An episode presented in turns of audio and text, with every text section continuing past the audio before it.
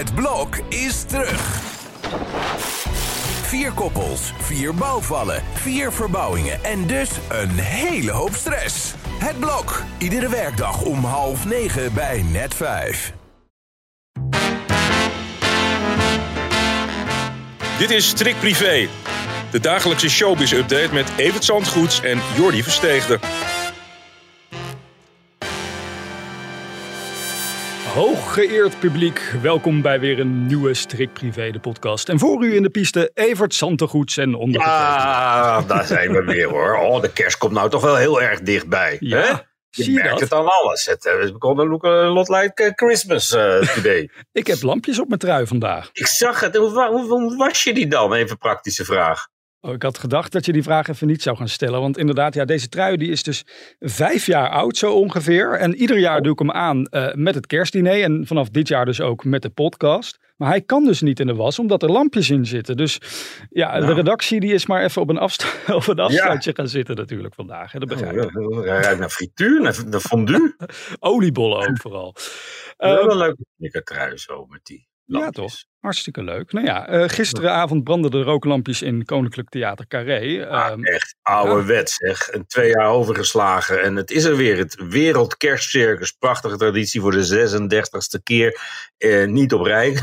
maar eh, wel voor de 36e keer aan de Amstel. Nou, een avond. De beste circus acts ter wereld. Die staan op dit moment in Amsterdam. En dan ook nog onder één dak. In, in dat, in dat daarvoor gebouwde Theater Carré. Het is echt, als je dat nooit beleefd hebt, is dat toch een echte aanrader. En dat vonden heel veel eh, sterren ook. Ik zat heel gezellig in de Koninklijke Loge. En er waren nog koninklijke personen ook bij. Zelfs Prins. Constantijn en Laurentien. En eh, graaf Klaus Casimir, Ja. dochter van die. Het was heel leuk. Een hele leuke avond gehad. en wat is hun favoriete act dan in het circus, weet je dat?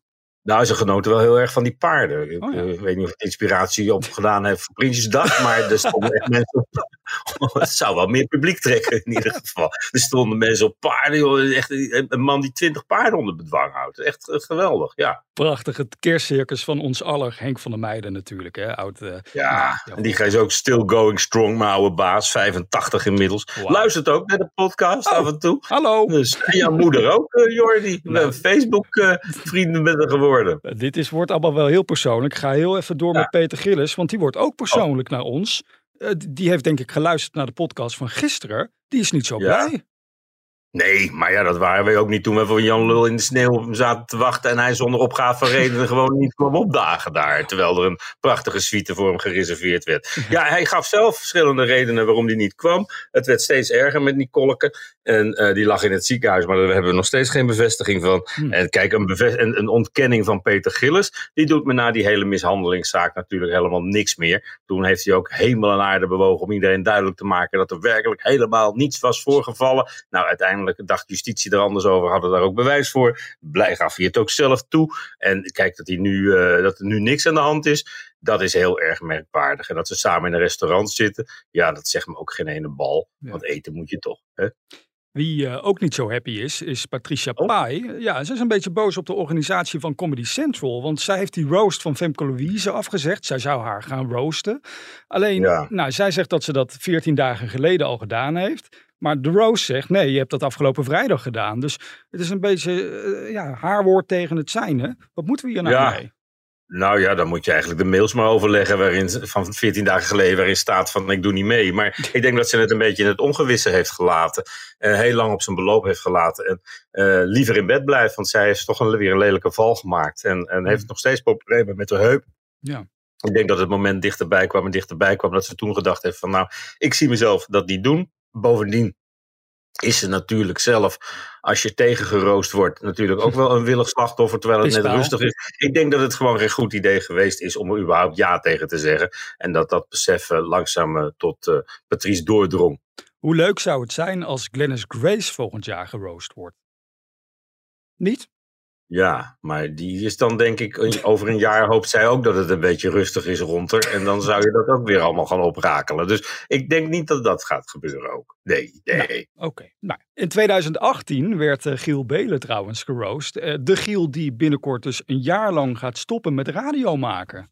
Ja, en op de valreep nog even de Marconi Award in de wacht sleept. Ja, Marconi, de uitvinder van de radio, hè, die, uh, die, die, die uitregent prijzen natuurlijk deze dagen. Je had het toch ook al een? Uh, ja, absoluut. Ja, ik heb het onder de pet gehouden. Maar een YouTube Award hebben we zeker. Een YouTube Award. Nou, je hoort er echt, nou, zoals ik, je hoort er echt niet bij als je geen prijs wint in deze dagen. Maar ja, Giel ook. En natuurlijk voor zijn oeuvre mag je van mij een radioprijs winnen. Maar ik word wel moe van de hoeveelheid prijzen die er, die er is in deze tijd van het jaar. Heel even luisteren naar hoe Giel die prijs in ontvangst nam. Um, je won vier keer eerder een Marconi Award voor beste presentator. Nog steeds avant terrible, dat zul je altijd blijven. Achter de schermen was je een inspirator voor velen. En dat ben je ook nog steeds. Een aanvoerder die weet wat een zender nodig heeft... en hoe hij een team kan motiveren. En die Marconi Euro Award, die is er. Voor alles wat jij hebt gedaan. Uh, een presentator waarvan de jury zeker weet... dat het aanstaande afscheid geen vaarwel betekent. Daar zijn hij en zijn luisteraars en wij allemaal nog lang niet klaar voor. Giel, de Marconi Oeuvre Award. Meer dan verdiend. En hier is het juryrapport. Eerst voor jou. Legendarische radiomaker. Het was niet mijn uh, favoriet, maar ik heb, uh, was meer van de Evers uh, school en zo, als je dat toch moet kiezen. Maar ik ja, heb het wel losgemaakt in Medialand. Ik ga vanavond naar Edwin Evers trouwens, nu je erover begint. In de Avonds oh. Live met zijn band. Waanzinnig. Jaren 80 misschien. Ja. ja, nu we toch persoonlijk bezig zijn in deze podcast. Zeg, slecht nieuws voor Linda de Mol. Ja, we hebben het er eigenlijk de hele week al over. Maar zij verliest nu haar rechterhand. Ja, jij hebt het de hele week er al over. Oh, nou ja. Of het wel of niet goed komt met Jeroen. En, en, dan zeg ik op drie keer nee, natuurlijk niet. En dan uh, ga je toch weer ergens pruttelen dat het misschien wel goed komt. Maar goed, uh, ja, ze verliest de rechterhand. En dat, uh, dat komt ook niet meer goed. Jilde van der Bijl, dat is degene die met haar, ja, dat Linda wel heel erg groot gemaakt heeft. En ja, na 16 jaar wil zij wat anders. Dat kan ik me voorstellen. Het zijn ook vriendinnen. Dus het gaat wel in goede harmonie. Ze blijven ook vriendinnen. Maar ik, ja, ik kan me ook voorstellen dat je nou op een gegeven moment wat anders wil doen. Ik zit ook al twintig jaar bij privé. En dat wil niet zeggen dat ik er nog twintig jaar uh, ga zitten natuurlijk. Het is gewoon een, uh, ja, een uitdaging. En uh, mensen willen af en toe wat anders. En ik, daar, daar kan ik me iets bij voorstellen. En Linda kennelijk ook, want die wenst er veel succes. Ah, hartstikke mooi. En als goede vriendinnen dus uit elkaar. Zullen wij uh, heel schattig eindigen, vredig eindigen in deze podcast met Nick Schilder. Want ik zag een fantastisch filmpje van hem voorbij komen. Heb je het ja, ook gezien? Trui niet, heb je die trui niet voor niks aangetrokken? Inderdaad, hij zingt een kerstliedje tijdens de kerstviering met zijn dochter. Even luisteren. Ja,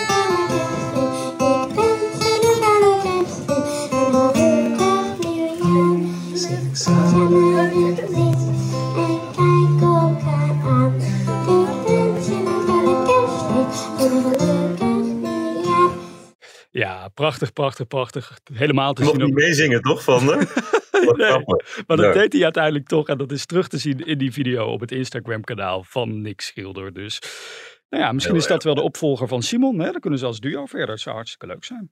Nou, het zou voor het eerst zijn dat het uh, heel Volendam zingt. Maar het, je ziet zelden de kinderen van de grote sterren die, uh, die doorgaan op het podium. En dat zit er hier wel in, geloof ik. Het is een, uh, een frisse stem. En ja, leuk meisje. Aandoenlijk meisje. Heel leuk filmpje is het. Hartstikke leuk. Zeg, morgen op vrijdag is het natuurlijk weer tijd voor eventjes aan Evert vragen. Dus zeg ik, stuur je vragen in via podcast.telegraaf.nl.